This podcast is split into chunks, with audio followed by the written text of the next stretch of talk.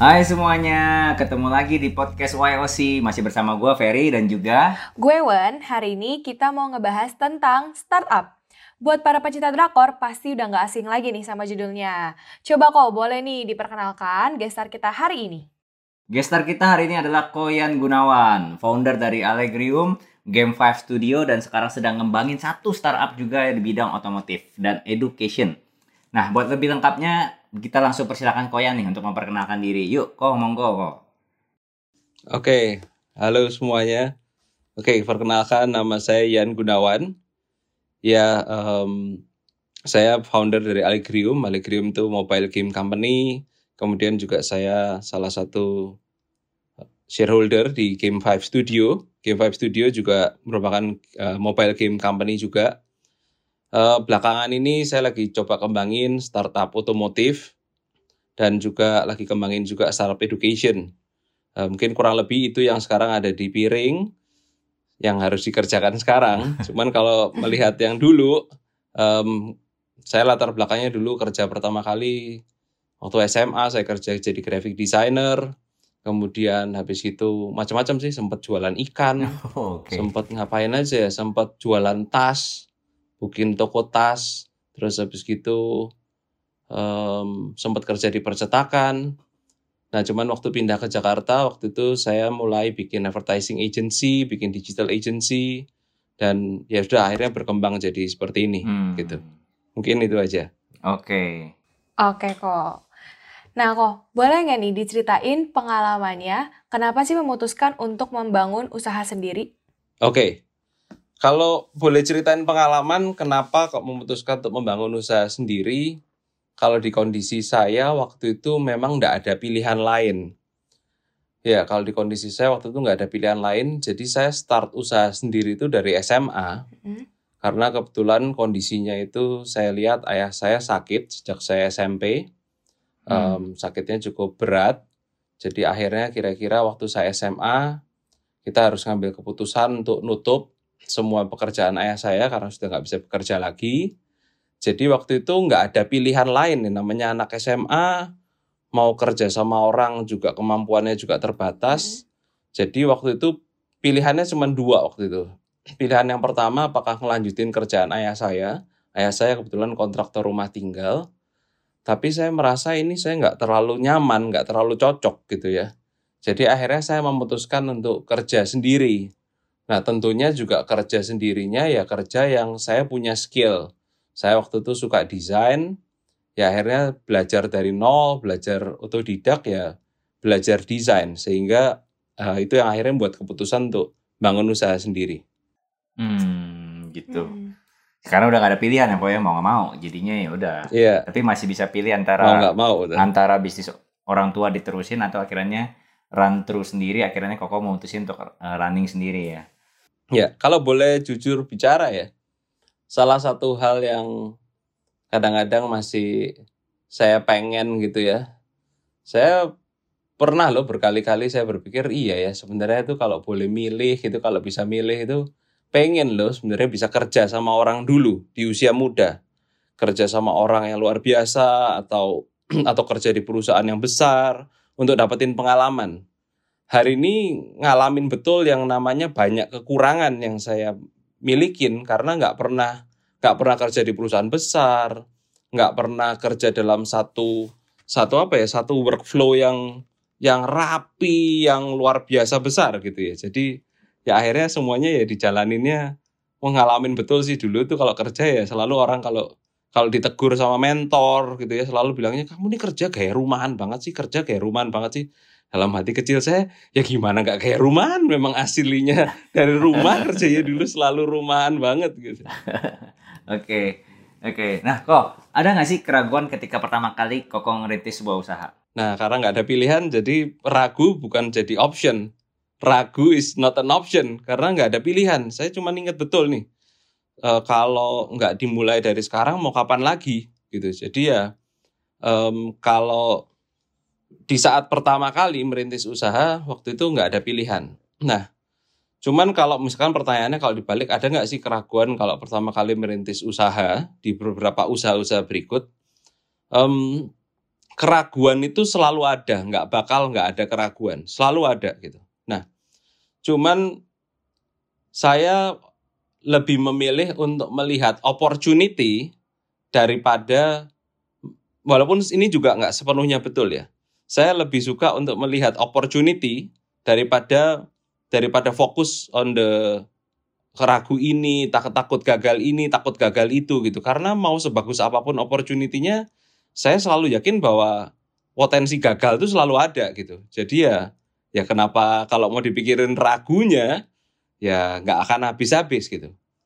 Jadi ya e, kalau ditanya ada pasti ada, cuman kebetulan ya selalu berusaha untuk melihat ke opportunity-nya gitu. Tidak sepenuhnya ini betul ya. Harusnya juga banyak akhirnya banyak juga usaha saya yang gagal, kebentur sana, kebentur sini. Cuman kalau ditanya ada nggak ya ada, tapi saya selalu melawan dengan melihat opportunity-nya. Hmm, oke. Okay. Hmm. Nah, tantangan-tantangan apa aja kok yang harus dihadapin biasanya? Pas saat kita mulai coba buka satu bisnis baru gitu. Kalau tantangan apa aja yang harus dihadapin, yang pasti sesuatu hal yang baru itu kan um, pasti banyak hal yang kita nggak tahu, gitu ya. Hal yang kita nggak tahu, jadi tantangan-tantangan yang harus dihadapin ya kita mesti belajar ya, gitu. Kita mesti belajar tentang hal yang baru itu. Saya masih ingat betul sih waktu pertama kali kita uh, bikin game company ya, uh, bikin Allegrium itu oh, lucu banget tuh. Satu uh, satu step langkah awal yang kita lakuin itu adalah ke pergi ke Amazon untuk cari bikin how to build a, a mobile game gitu. gitu. Saya masih ingat partner-partner saya bikin begitu. Oh, saya masih ingat lagi, lebih lucu lagi waktu tahun berapa ya? Waktu tahun 2000-an, pertama kali saya beraniin diri untuk kerja bikin website, Hmm. itu malah saya nerima kerjaan website itu di saat saya malah belum tahu loh bikin website itu pakai apa gitu. Oh, Saya not even know loh gitu, maksudnya bikin website itu pakai apa ya gitu ya. Baru akhirnya besoknya baru nyari tahu gitu. Hmm. Ya akhirnya ujung-ujungnya saya minta tolong sama orang yang kebetulan orang itu sekarang jadi partner saya juga di Allegrium. Hmm. Gitu. hmm. Jadi sampai akhirnya juga bukan saya yang kerjain juga gitu. akhirnya minta tolong ke orang lain. Nah, jadi kalau balik lagi ke pertanyaannya, tantangan apa yang eh, dihadepin? Menurut saya ya ini belajar hal yang barunya ini. Gitu. Hmm. Nah, kadang-kadang tantangan terberat dari belajar, saya menurut saya selalu gini. Kalau mau belajar, nggak ada yang nggak bisa dipelajarin. Hmm. Nah, cuman tantangan yang terberat kadang-kadang bagaimana kita bisa ketemu dengan orang yang tepat untuk kita belajar. Hmm. Bagaimana kita bisa ketemu dengan mentor yang tepat untuk kita belajar di bisnis hal itu gitu.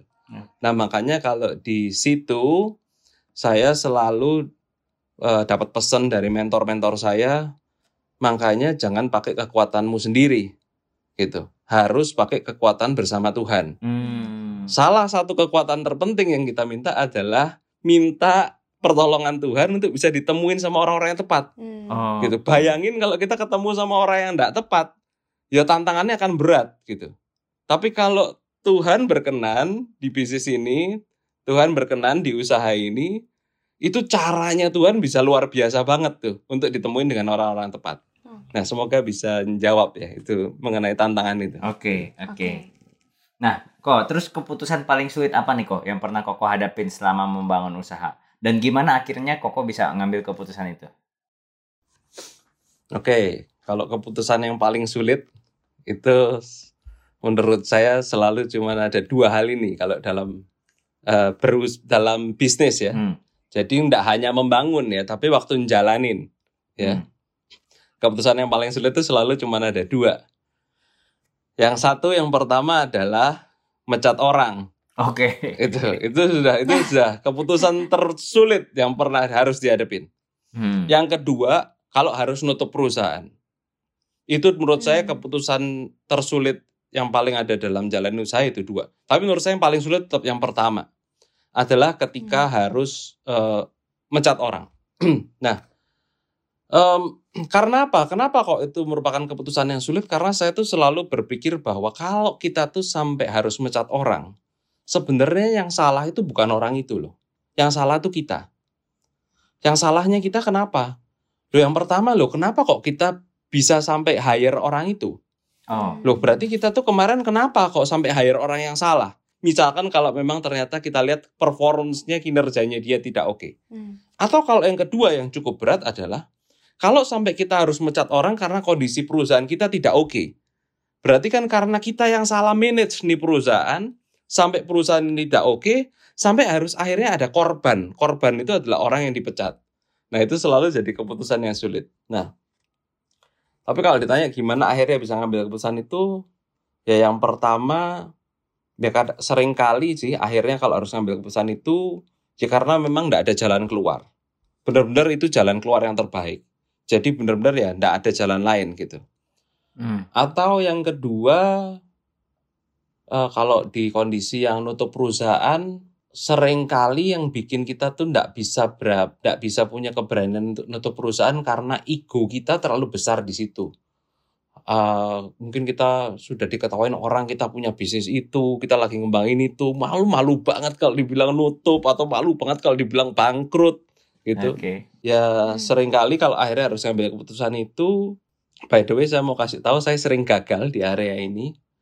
Cuman kalau sampai akhirnya berhasil ngambil keputusan itu biasanya ya sekali lagi dengan pertolongan Tuhan sih, gitu. Hmm. Karena ya kadang-kadang kalau udah nyerah sama Tuhan, saya sering saya sering sih kalau di diary saya itu saya sering saya pernah nih yang diary diary terakhir tuh saya sampai gambar kayak Tuhan yaudah ya aku aku eh, kibarin bendera putih nih aku nyerah. Give up. Iya. Nah, biasanya kalau sudah sudah berani bilang gitu, tetap berat sih. Besoknya mungkin bisa rada mules-mules gitu, rada bangun itu sakit-sakit semua gitu ya. Tapi akhirnya lebih berani lah, let go gitu ya. Hmm. Nah, biasanya kalau udah nyerah sama Tuhan, biasanya dibantu tuh. Banyak bantuannya sih. Bantuannya kayak salah satu keputusan terberat kalau harus tutup perusahaan itu kan yang kalau buat saya adalah mikirin orang-orang yang selama ini udah berjuang sama saya harus bagaimana ya. gitu. Hmm. Nah, biasanya doanya ya jadinya Tuhan bantuin nih supaya orang ini bisa dapat perusahaan yang baik juga gitu Hmm. gitu. Ya biasanya akhirnya nanti dibantunya lewat situ. Oke orang yang di sini akhirnya bisa dapat kerjaan di tempat lain yang bagus. Dia bisa atau kadang-kadang kita bantu carikan kerjaan, eh ketemu kerjaannya, kita bantu cariin Hmm. opportunity-nya gitu ya.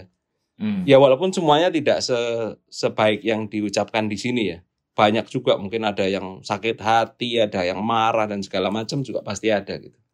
Hmm. Cuman em, itu sih keputusan dua keputusan yang paling sulit. Kalau bagaimana akhirnya ngambil keputusan ya, yang pertama kepepet, kepepet is yang paling common. Yang kedua sih ya, ya kalau udah nyerah sih, maksudnya nyerahnya ke Tuhan ya, bukan nyerah karena kita nyerah nggak berani sama tantangannya. Hmm. Hmm. Berserah Oke. ke Tuhan gitu lah ya kok. Iya, kalau nggak nggak nggak bisa sih, nggak kuat ngambil keputusan itu kan, egonya gede gitu ya, malunya nggak kuat. Gitu. Wah nih teman-teman teman-teman Poyowers nih ya baru baru baru kali ini kita dengar nih kesaksian nih seorang bos nih ya. Ternyata ragu juga ya dalam memecat karyawan ya. Oh iya, kadang-kadang kan kalau curhat-curhatan para teman-teman karyawan kan aduh bos biasanya begini bos biasanya begini. Ternyata ternyata seorang bos pun punya keraguan loh mikir bahkan mikirin ya sampai harus kerja apa nantinya ya gitu wah luar biasa. Pak. Iya, itu itu kalau buat gak tahu kalau buat yang lain cuman kalau buat saya atau saya partner saya eh mungkin cerita sedikit saya jadi ingat betul saya pernah kita pernah punya satu kondisi yang sebegitu parah. Hmm. Saya ingat betul tuh partner saya nggak bisa ngomong apa-apa tuh di satu meeting itu. Karena memang saya tahu sih. eh, ka- satu hari ya kalau teman-teman gitu ya bikin bangun perusahaan ya Hmm. rasain deh itu waduh itu nervousnya sih waduh itu lo sakitnya rada kayak sakit gigi dikit lah gitu nggak enak ya Oke kok. oke Kalau dengar dari penjelasan Koko tadi nih, buka usaha itu kan pasti nggak mudah, nggak bisa sembarangan juga gitu. Banyak hal yang harus dipikirin lah dan dipertimbangkan secara matang.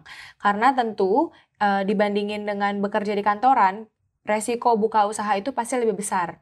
Nah, Hmm. Apa aja sih hal yang harus dipikirkan dan diperhatikan sebelum memulai sebuah usaha? Ya, ini pertanyaannya bagus sekali. Apa apa saja hal yang harus dipikirkan dan diperhatikan sebelum memulai sebuah usaha?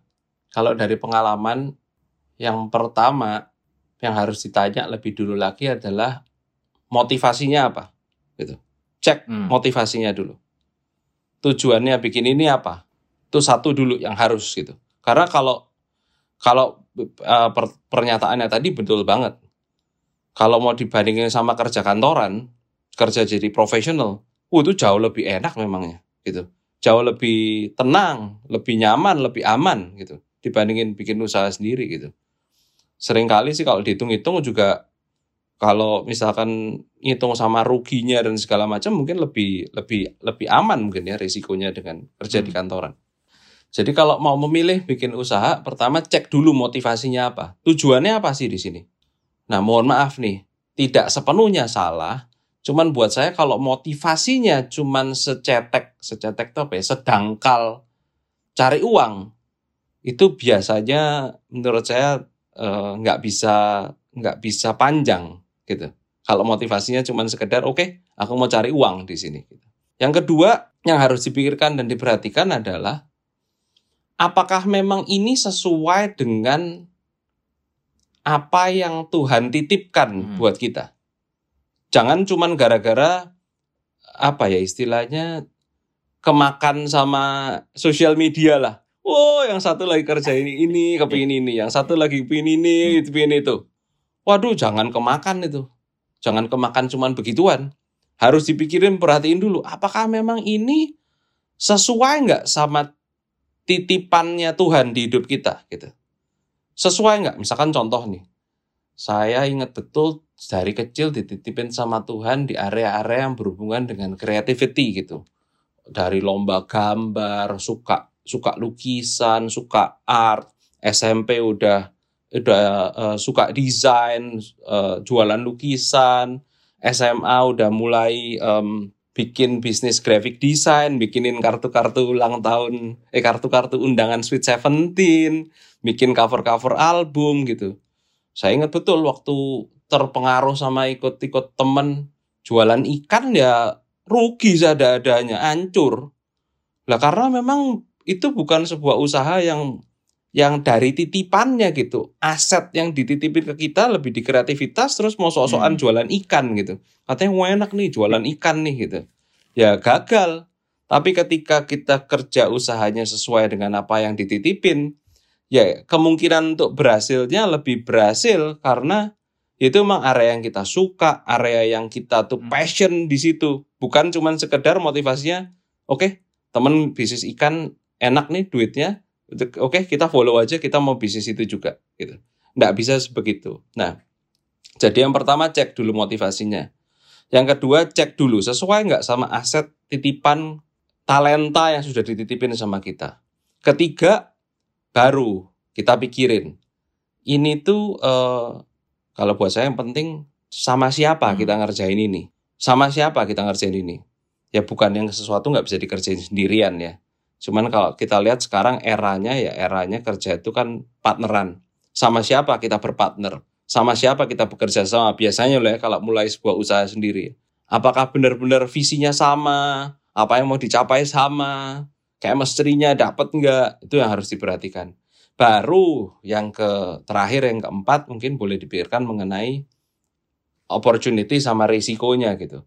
Gitu modalnya berapa, terus kemungkinannya bagaimana, terus ya baru nanti baru mulai lagi lihat apakah memang marketnya membutuhkan ini atau tidak. Nah itu mungkin itu yang kalau di ilmu bisnis yang juga baru baru belajar dari orang-orang yang lebih pintar ya itu yang biasanya dinamakan bikin visibility study gitu dicek nah dari visibility study nanti jadi sebuah bisnis plan jadi rencana rencana bisnis semoga Hmm. istilahnya nggak salah nih karena anak rumahan Gak apa-apa kok, yang dengerin juga kita-kita. Belajar juga kita. Oke, eh so, kok dalam bisnis pasti kan nggak ini ya, nggak selalu mulus kan. Sekarang kan kok udah pernah ya jadi pengusaha yang gagal juga pernah up and down gitu ya secara keuangan dan kesuksesan juga pernah ngalamin gitu. Dibanding salary salaryman gitu ya, menurut pendapat Koko yang pendapatannya selalu reguler lebih enak mana sebenarnya? Ya, jadi menurut saya ini bukan pilihan yang untuk di dibandingkan karena benar-benar tidak apple to apple. Jadi kalau ditanya bukan lebih enak yang mana, dua-dua punya enak Hmm. dan nggak enak. Nah, yang harus ditanya adalah mental kita lebih yang di mana, gitu. Dan dua-duanya bukan salah loh, gitu. Ada orang yang memang eh, tidak bukan bukan risk taker karena menurut saya salah satu salah satu trait yang penting untuk seorang entrepreneur, untuk seorang uh, usaha sendiri adalah risk taking, risk taker. Kalian harus risk taker gitu. Karena nggak bisa kalau kalau nggak berani ngambil risiko terus mau buka usaha sendiri itu menurut saya rada rada ngayal gitu. Nah, tapi saya tidak menyalahkan juga karena orang-orang yang memang tidak punya mental risk taking sebesar itu, tapi dia punya kemampuan yang oke okay, kalau aku ini berada dalam satu perusahaan yang secara modalnya lebih siap, secara uh, teamworknya lebih siap, strukturnya udah lebih siap, I can contribute my best to the company, it's okay gitu. Jadi menurut saya ini bukan hal yang bukan pilihan um, ya.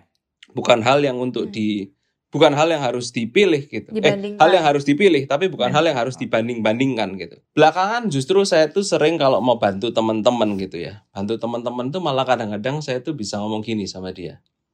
Uh, mungkin ada satu contoh yang saya bilang, kamu nih kayaknya malah nggak terlalu cocok loh kalau bikin usaha sendiri. Kamu ini lebih cocok jadi profesional. Nah, cuman kadang-kadang mungkin dia kan ini kan uh, ke kemakan nih, kemakan omongan teman-teman nih enak kalau bikin bisnis sendiri. Lu bisa gini lu bisa gitu lu bisa aduh bebas segala macam segala macam. Tapi nggak seindah itu juga gitu. Nggak seindah buku dongengnya ceritanya orang-orang itu. Dan mungkin kalau boleh pesan sedikit sih uh, jangan terbe terjebak sama hmm. membanding-bandingkan gitu. Uh, ada satu statement yang bagus ya saya baca beberapa waktu lalu. Kalau nggak salah yang ngomong si mantan presiden Amerika gitu ya, Roosevelt atau siapa dia bilang, comparison is the thief of joy. Hmm. Membanding-bandingkan itu pencuri sukacita gitu. Gitu. Nah, kadang-kadang kita kemakan dibanding-bandingin, melihat, oh, melihat yang ini enak ya bisnis sendiri. Tapi dia nggak nggak nggak nggak tahu betul tuh. Waduh, painnya di di baliknya gitu, jungkir baliknya hmm. nggak denger gitu. Terus mungkin dia sebenarnya jago nih secara profesional kerja as a profesional, ah udah mau ke sini aja deh. Waduh akhirnya malah malah anu ya malah ke jungkir balik beneran tuh nanti gitu.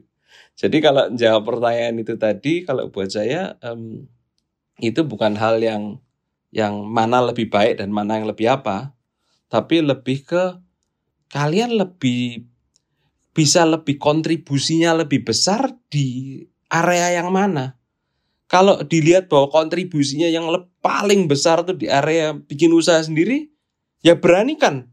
Beranilah untuk bikin usaha sendiri. Dan biasanya nggak langsung yang pertama berhasil. Harus lewatin gagal-gagal. Siap nggak? Sam kadang-kadang kalau dibuka usaha ya, yang ditanya itu ya. Kalau mentor-mentor saya nanya itu selalu pertanyaan gini, kamu siap kalah sampai hmm. berapa lama? Hmm. Siap rugi berapa lama? Siap gagal berapa hmm. kali? Siap jatuh berapa kali? Sanggup jatuh dan bangun lagi berapa kali. Nah, kalau itu kita siap, fight, coba, jalan. Tapi kalau enggak, ya pertanyaan balik. Kita tuh eh, apakah bisa jadi profesional yang baik? Kita apakah bisa contribute benar-benar enggak di perusahaan ini atau di perusahaannya teman atau saudara atau keluarga? Bisa enggak kita jadi profesional yang baik? Kalau bisa, loh jalan. Dan yang penting buat saya adalah jangan sampai keberadaan kita itu tidak memberikan add value kepada perusahaan ini. Even kita as an as an owner, as a as a yang punya perusahaan harus bisa kasih value buat perusahaan.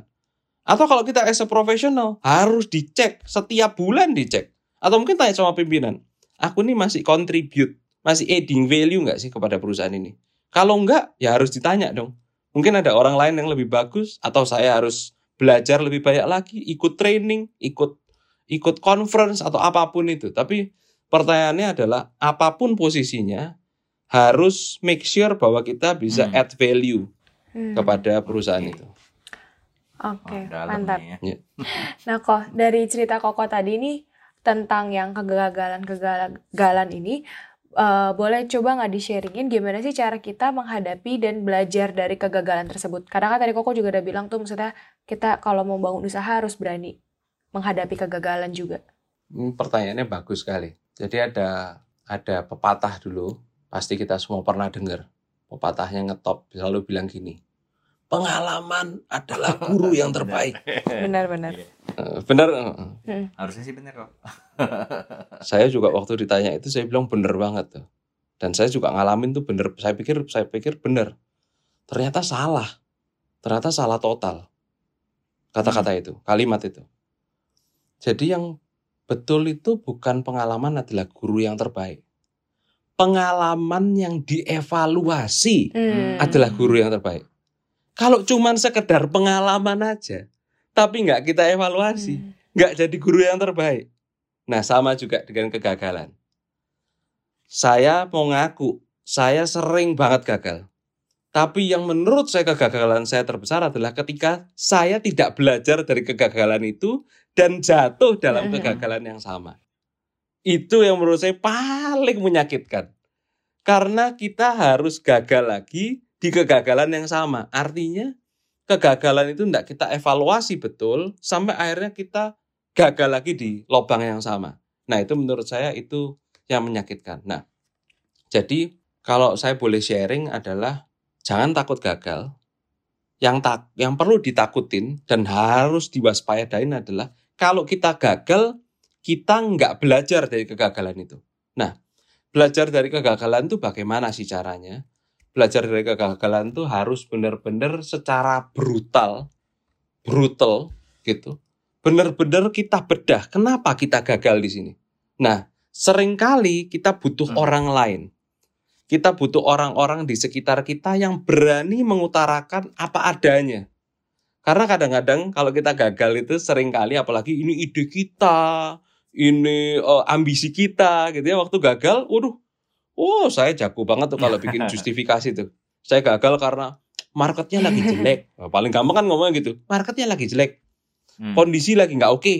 Gitu. Em, Hmm. timnya nggak oke atau em, waktunya lagi nggak pas oh bisa segala macam segala macam alasan kita buat untuk menyelamatkan supaya kita ini nggak malu-malu banget padahal kalau gagal harusnya yang bagus kumpulin teman-teman yang teman mentor kalau perlu orang yang kalau perlu orang tua kita ajak bicara juga atau tim atau karyawan gitu diajak bicara kenapa ini gagal ya menurutmu apa yang salah ya kalau ini bisa gagal? Nah ini yang harus dipelajarin betul. Ini ngomong gampang ya. Saya sering banget salah di sini. Saya sering banget gagal juga melihat di sini. Nah baru kita pilah-pilah. Oh ternyata ujung-ujungnya tuh kalau dilihat nih gagalnya di sini nih. Nah itu yang harus di apa di dipelajarin betul. Makanya sering kali kan kalau saya ngobrol sama orang saya selalu tanya setahun terakhir nih apa sih your greatest lesson learned gitu. Kamu belajar apa? sering kali kita belajar banyak tapi kita nggak nangkep betul apa yang penting dari situ. Nah sama juga di kegagalan juga harus begitu. Nah mungkin kalau boleh cerita sedikit dari beberapa kegagalan-kegagalan Hmm. saya yang terakhir ya. Itu yang saya temuin adalah bahwa kegagalannya karena hurrying, Oke. buru-buru. Hmm. Jadi maunya buru-buru. Karena kan kita selalu bilang, oh kita kalau nggak cepet-cepet nanti kita kehilangan kesempatan. Wah nanti kita nggak begini. Wah ini peluangnya gede banget dan segala macam segala macam gitu. Nah jadi akhirnya dan ini saya ulangi kejeblosnya kejeblos apa Jatuh ya lagi. bahasa Indonesia? Iya. Tahu lah ya Iya. kejeblos ya. Jatuh lagi, kejeblos lagi di lubang yang sama karena ini hurrying lagi, hurrying lagi. Sampai saya punya satu coach ya, coach saya sampai dia bilang gini, eh kamu kalau perlu bikin stiker, tempelin stiker itu di laptop kamu yang kamu buka tiap hari atau tempelin itu di handphone kamu deh dia bilang gitu. Tulisannya begini, hurrying will slow you Hmm. down. Sampai disuruh begitu, karena dia sam- karena saya ngobrol sama dia sampai dia bilang, kamu nggak sadar ya, udah segini sering gagalnya di masalah hurrying ini. Hmm. Nah, gitu. Oke, sampai ya nggak belum saya lakukan sih. Eh, sampai nempel atau cuman ya sudah sudah kena sih. Hurrying will slow you down, hurrying will slow you down, hurrying will slow you down. Dan benar-benar sih, memang gara-gara kita pikir wah buru-buru cepet, waduh kita bisa powerful. Ternyata kalau belajar dari kegagalan saya ya itu malah memperlambat semuanya ya karena buru-buru gitu. Ya itu mungkin contoh contoh bahwa kalau kita mau betul-betul eh, belajar dari kegagalan itu bisa sampai keluar tuh akarnya sampai sedalam itu tuh. Oh akarnya tuh saya di sini tuh eh, hurrying ya. Nah, hurrying bisa ke mana-mana kan. Hurrying dalam ngambil keputusan, hurrying dalam hiring orang, hurrying dalam menentukan strategi, hurrying untuk ngambil maunya cepat-cepat selesai, malah akhirnya barangnya berantakan dan segala macam. Tapi rootnya, akarnya itu di sana gitu. Nah itu contoh eh, contoh keberhasilan belajar dari kegagalan. Hmm. Ya, semoga bisa Oke menjawab. oke. Jadi ya ya kalau kegagalan ya ya kita harus evaluasi dan belajar ya. Bangkit lagi ya dan yang paling penting dievaluasinya itu Harus. ya. Jadi jangan sampai jatuh ke lubang yang sama. Betul. Makanya pengalaman yang dievaluasi adalah guru yang terbaik. Nah, mungkin kalau di pertanyaannya eh, Wen tadi, kegagalan yang dievaluasi adalah guru Hmm. yang terbaik. Oke. Oke, kegagalan yang dievaluasi adalah guru yang terbaik. Nah, kok tadi kan Koko ada ngomong nih ya eh, lebih enak cek sekarang zamanannya bikin usaha lebih ke berpartner gitu. Emang nggak bisa ya kalau kalau dijalanin sendiri? Kalau ditanya bisa atau enggak, ya pasti bisa gitu. Bisa dijalanin sendiri. Cuman menurut Efektif saya mana kok? ada ada pepatah yang pernah bilang gini kalau nggak salah, tapi saya lupa pastinya ya. Kalau mau lari kenceng, jalan sendiri. Oh, oke. Kalau mau lari cepat, jalan sendiri. Mm-mm. Tapi kalau mau jalan panjang, jalan bareng-bareng Hmm. gitu. Kalau mau kenceng, Hmm, hmm, hmm. jalan sendiri. Tapi kalau mau lama, mau panjang, jalan bareng-bareng. Sama. Nah, kita sekarang lihatnya juga sama. Kalau mau bisnis untuk jangka panjang gitu ya, long term gitu. Ya, kalau saya lebih percaya bahwa kolaborasi eh, berpartner itu jauh lebih kaya. Simple lah mikirnya. Satu ya paling mentok cuma sama dengan satu. Tapi kalau satu tambah satu, kalau di ilmu partnership, karena itu multiply itu kadang-kadang bisa nggak cuma jadi dua, bisa jadi tiga, bisa jadi empat, bisa jadi lima. Karena apa? Karena satunya saya mungkin bisa bawa, bisa nanya ke beberapa temen, satunya dia bisa nanya ke beberapa temen dan segala macam. Kalau ini dikumpulin semua bisa jadi kaya sekali gitu. Hmm. Jadi kalau tanya, em, eh, apalagi kalau mulai bisnis ya, ya baiknya sih gabung gitu ya. Karena juga siapa sih? Saya nggak percaya kalau ada, eh, eh salah sih kalau nggak percaya. Mungkin ada, cuman saya Belum, mungkin belum nemu ya, belum banyak nemu ya. Langka sekali ada orang-orang tuh yang benar-benar Superman kan gitu. Hmm. Jadi nggak mungkin kita tuh bisa jalanin semuanya kan gitu. Pasti punya kelemahan. Saya lemah di sini, dia lemah di sana. Nah itu kalau berpartner dengan digab menggabungkan kelemahannya dengan kelebihan-kelebihan yang lain, ya itu akan jadi luar biasa dampaknya. Gitu. Hmm. oke. Ya walaupun walaupun juga ya nggak- pasti punya challenge ya. Challenge itu pasti ada gitu. Karena ya cara mikirnya mungkin berbeda cara ngambil keputusannya berbeda dan segala macam ya. Ya makanya penting kalau dalam berpartner ya lihat dulu chemistry-nya gitu. Hmm. chemistry-nya ada nggak gitu. Hmm. Jadi lebih enak eh, cari yang udah kenal, cari yang udah kenal gitu, atau memang oke eh, kita lihat orang-orang yang sebenarnya nggak terlalu kita kenal, tapi dia mungkin eh, bergerak di bidang yang sama, kita kita cari-cari dan lalu kita mulai kenalan dan kita cocokin visi misi gitu, atau gimana? Em, kalau buat saya semuanya bisa selama chemistry-nya benar-benar nyambung. Nah, selain chemistry-nya nyambung juga punya visi yang sama gitu. Hmm. Jangan sampai yang satu misalkan yang satu visinya tuh untuk A, yang satu untuk D gitu. Waduh itu bisa nanti pas jalanin ya. Ya bayangin lah misalkan eh, Ferry kepinginnya eh, pergi ke Amerika, Wen pengennya pergi ke Australia gitu. Wah ya Hmm. gimana tuh bisa Iya. bisa tarik-tarik kan dong satu ke atas satu ke bawah gitu misalkan kalau ngeliat di peta gitu misalkan ya. Hmm. Nah itu harus sama gitu. Nah terus chemistry-nya juga chemistry-nya sama gitu. Bukan caranya sama ya, tapi chemistry-nya sama. Nah hal begitu nggak nggak ada jaminan bahwa oh oh karena kita udah sahabat dari kecil kita tuh lebih akan lebih cocok. Nggak jaminan sih. Ya memang akan bantu banyak karena kenapa bantu banyak karena sudah lebih kelihatan lah ya. Udah nyambung. Eh, lebih kelihatan lah ya baik jeleknya semua udah kelihatan lah ya. Hmm, Jadi hmm. nggak ada yang ditutup-tutupin lagi. Yang bahaya untuk cek chemistry kan ketika kita itu nggak tahu yang sebenarnya orang ini gimana. Nggak cukup waktu untuk kita menilai apakah orang ini tuh benar-benar cocok gitu dengan dengan apa yang kita butuhkan gitu. Hmm. Jadi butuh waktu yang lama dong kok buat kita nentuin siap siapa partner kita. Kalau buat saya karena tadi kata-katanya hurrying will slow you down. Ah, Oke. Jadi ya kalau nentuin partner juga jangan buru-buru. Oke. Dan tadi juga ya doa dulu ya kok ya buat ditemukan oleh Harus, partner yang harus. tepat ya. Oke. Ya.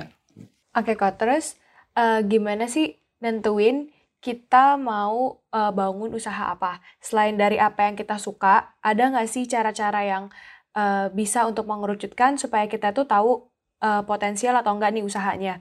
Terus kalau boleh kasih bocoran, kira-kira sekarang jenis usaha seperti apa sih yang lagi booming dan ke depannya bisa bagus? Hmm, ini yang nanya pinter banget nih.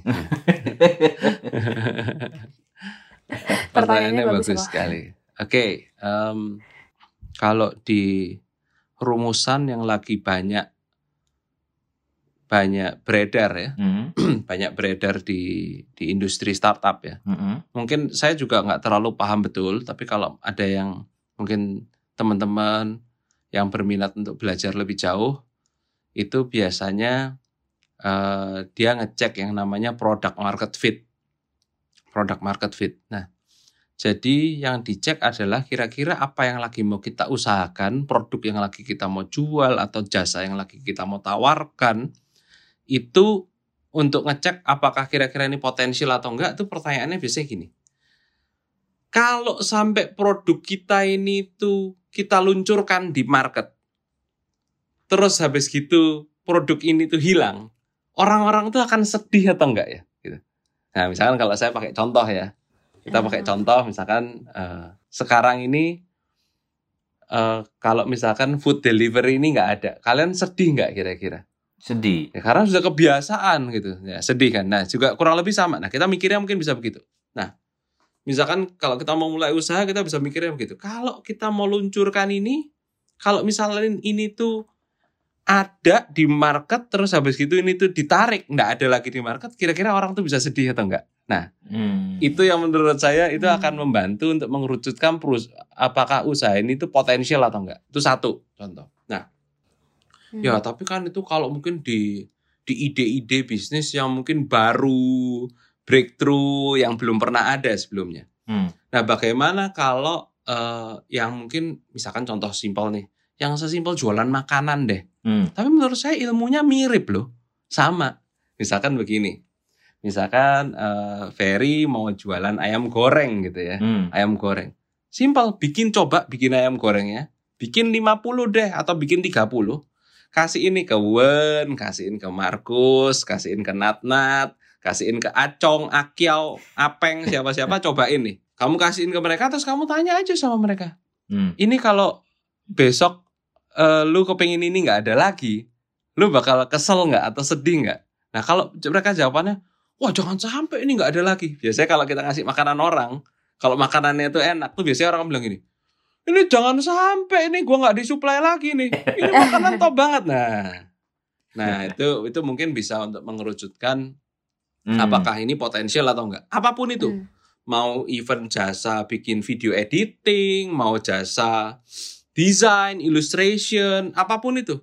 Kalau ketika kita berikan itu kepada orang dan orang itu sampai, waduh aku pengen banget ini ada lagi, nah itu mungkin bisa jadi Hmm. uh, jadi jadi cara untuk mengerucutkan potensinya. Nah, tapi caranya untuk bisa mengerucutkan potensinya itu ya makanya harus yang namanya trial, dicoba. Kalau mau bisnis makanan, jangan belum apa-apa sudah mikirin dulu kafenya Hmm. modelnya bagaimana atau mikirin dulu nanti ini logonya bagaimana. Ya boleh dipikirin. Tapi yang penting dipikirin dulu, ini ayam gorengnya dicoba dulu ke 100 orang nih. Nah, Hmm. kalau masih dirasa kurang oke, dibenerin dulu nih ayam gorengnya nih. Dicobain lagi ke 100 orang lagi. Masih belum oke, dicobain lagi lagi nih 100. Tapi kalau udah nyoba sampai 500 nggak oke-oke, ya mungkin boleh doa. Siapa tahu bukan co- nggak cocok jualan ayam goreng. Oke. Gitu. Oke. ya kan? Ya mungkin bisa begitu. Nah, sekarang kalau ditanya kalau boleh kasih bocoran, kira-kira jenis usaha apa yang lagi booming dan ke depannya bisa bagus? Em, ya bisnis-bisnis yang terkait dengan dengan digital itu saya rasa potensinya Hmm. besar sekali gitu ya. Kemudian eh, tapi menurut saya juga yang booming atau ke depan bisa bagus adalah ya yang benar-benar menjawab Hmm. kebutuhan ya gitu. Jadi misalkan kebutuhan makan, minum nggak bakal Hmm. berhenti gitu ya. Hmm. Terus kebutuhan orang nonton entertainment ya Hmm. nggak bakal berhenti. Ya jadi em, eh, tapi kalau mau tanya lagi lebih jelas tentang jenis usaha apa yang lebih booming ke depan mungkin bisa dilihat di tren ya. Bisa lihat di World Economic Forum tuh biasanya ada beberapa tentang future jobs, future eh, ya future ya banyak di situ dokumen-dokumen yang bisa ngeliat tentang kayak ke depan tuh apa sih kayak misalkan ada AI, artificial intelligence, robotik gitu ya. eh, terus dan macam-macam yang lain ya. Itu mungkin eh, bisa bantu terus tentang eh, food technology gitu ya. Sekarang banyak kita lihat ada daging buatan, telur buatan, Hmm. Terus ya mungkin yang booming juga kalau kita bisa menjawab tentang problem-problem yang ada di dunia sekarang, Eh, bisnis yang bisa bantu untuk untuk eh, reduce carbon Hmm. emission, climate change dan segala macam, ya itu pasti prospeknya luar biasa. Oke. Nah, kok umur berapa sih sebaiknya kita mulai mikirin untuk usaha? Ada umur-umur tertentu nggak sih? Misalnya eh, umur berapa sebaiknya hati-hati nih kalau udah umur segini hati-hati buat mulai usaha atau misalkan ada yang terlalu tua untuk mulai usaha atau gimana? Menurut saya umur itu nggak boleh jadi masalah gitu. Hmm. Tapi kalau saya tanya, kalau ditanya ke saya pribadi umur berapa sebaiknya mulai mikirin usaha, menurut saya segala sesuatu itu sedini mungkin, se- se-early mungkin tuh bagus. Jadi saya tuh dulu pernah kalau bercanda gitu sama teman-teman saya, saya itu bersyukur banget saya tuh sejak SD itu sudah di sudah diinvestasiin sama ayah saya untuk mengerti tentang bisnis. Waktu SD itu Pak ayah saya tuh sudah ngasih saya tuh disuruh baca sama ayah saya itu majalah bisnis, majalah SWA. Itu Waduh, waktu saya SD waduh, gitu. berat banget. Dan menurut saya itu eh, itu investasi hidup yang berharga sekali dari ayah saya buat saya. Hmm. Jadi umur untuk umur mulai nggak nggak boleh jadi masalah. Dan buat saya gini, saya tuh dulu pernah bercanda sama ayah saya. Gimana ya caranya pelari 100 meter Indonesia? Waktu itu zaman saya bicara itu pelari 100 meter Indonesia yang paling top namanya Mardi Lestari bisa mengalahkan pelari 100 meter Amerika yang pemegang rekor dunia. Waktu itu namanya Carl Louis Hmm. gitu. Gimana ya caranya ya Mardi Lestari ini tuh bisa ngalahin Carl Louis? Jawabannya simpel, jawaban ayah saya. Jawabannya ya nyolong start. Hmm. Kalau dia nyolong start dua detik aja lebih cepat, ya dia menang. Nah itu juga menurut saya jadi analogi. Kalau kita mulai mempelajari, mulai mau mempelajari usaha itu enggak harus dengan mulai usaha, tapi mempelajari orang-orang bisnis-bisnis orang yang berhasil, tanya sama orang dan segala macam segala macam itu juga memulai. Nah, Hmm. tapi kalau sekarang baliknya, batasan umur berapa yang terlalu tua untuk mulai usaha, itu saya juga nggak percaya. Karena kalau nggak salah, nanti mungkin kalian bisa googling sendiri, yang mana ini semua sampai hari ini kita masih nikmatin dan masih makan, itu adalah ayam goreng KFC. Oh. KFC itu diciptain sama pendirinya yang namanya Colonel Sanders. Itu Colonel Sanders kalau nggak salah udah umur 50-an lebih deh. Nanti coba di googling deh. Hmm. Hmm. Jadi nggak boleh jadi alasan umur juga untuk Oke. memulai Oke, usaha. oke, Kak. Nah kok lebih baik itu bangun usaha yang fokus eh, fokus harga mahal eh, tapi marketnya lebih spesifik atau menyasar banyak orang tapi harganya lebih murah. Itu sekali lagi itu juga bukan sesuatu yang mana yang lebih baik. Apakah yang ini lebih baik atau ini yang lebih baik? Tergantung dari produknya gitu. Kayak pro- kalau memang produknya itu cocok untuk nyasar yang dijual harga murah tapi ngejar volume dan memang mampu untuk ke sana, pilihlah jalur yang sana. Tapi kalau memang ternyata kita itu eh, maunya mikirnya yang benar-benar oh yang fokus, yang premium, yang yang sangat s- spesifik dan kita kuat untuk ke sana ya kita pilih di sana. Jadi yang harus dipilih adalah di manakah strength-nya kita. Di manakah kekuatannya kita. Kalau kekuatannya kita karena oke kita tuh bisa memproduksi harga murah, paling murah, lebih murah dibanding semua kompetitor kita, ya mungkin bagus dong. Kalau kita nyasar market yang gede sekali tapi harganya murah. Tapi kalau ternyata memang kekuatan kita tuh lebih ke bagaimana bikin sesuatu tuh yang wah yang sangat mewah, sangat premium, tapi harganya harus ma mahal, ya marketnya juga tetap ada di situ. Jadi tidak ada mana yang lebih baik, tapi yang harus ditentukan adalah memilih mana yang memang hmm. kekuatannya kita. Hmm. Jangan sampai cuman karena yang tadi tuh, karena kemakan dengan banding-bandingin. Loh, yang lain bisa jual lebih murah, kenapa kita nggak bisa? Padahal kita nggak ahli untuk hmm. bikin barang murah. Hmm. Akhirnya malah kerjaannya berantakan. Tapi juga jangan sampai orang yang jagoan bikin barang murah, gitu, terus mau-mau ada orang yang bisa jualan harganya segini nih. Nah sekali lagi, jadi fokus pada kekuatan kita, bukan fokus pada uh, hmm. orang lain. Hmm. Oke, okay. wah makin panas nih ya perbincangannya ya. Tapi kita break dulu ya buat uh, semua, buat cerna semua inspirasinya. So, teman-teman yang masih penasaran, dengerin juga podcast episode Startup part kedua yang tentunya bisa didengerin juga di Apple Podcast dan Spotify Poyo. Ya, thank you banget nih buat Koko buat cerita-ceritanya. Teman-teman juga jangan kabur dulu karena kita akan lanjut setelah break yang satu ini. See you guys. Bye.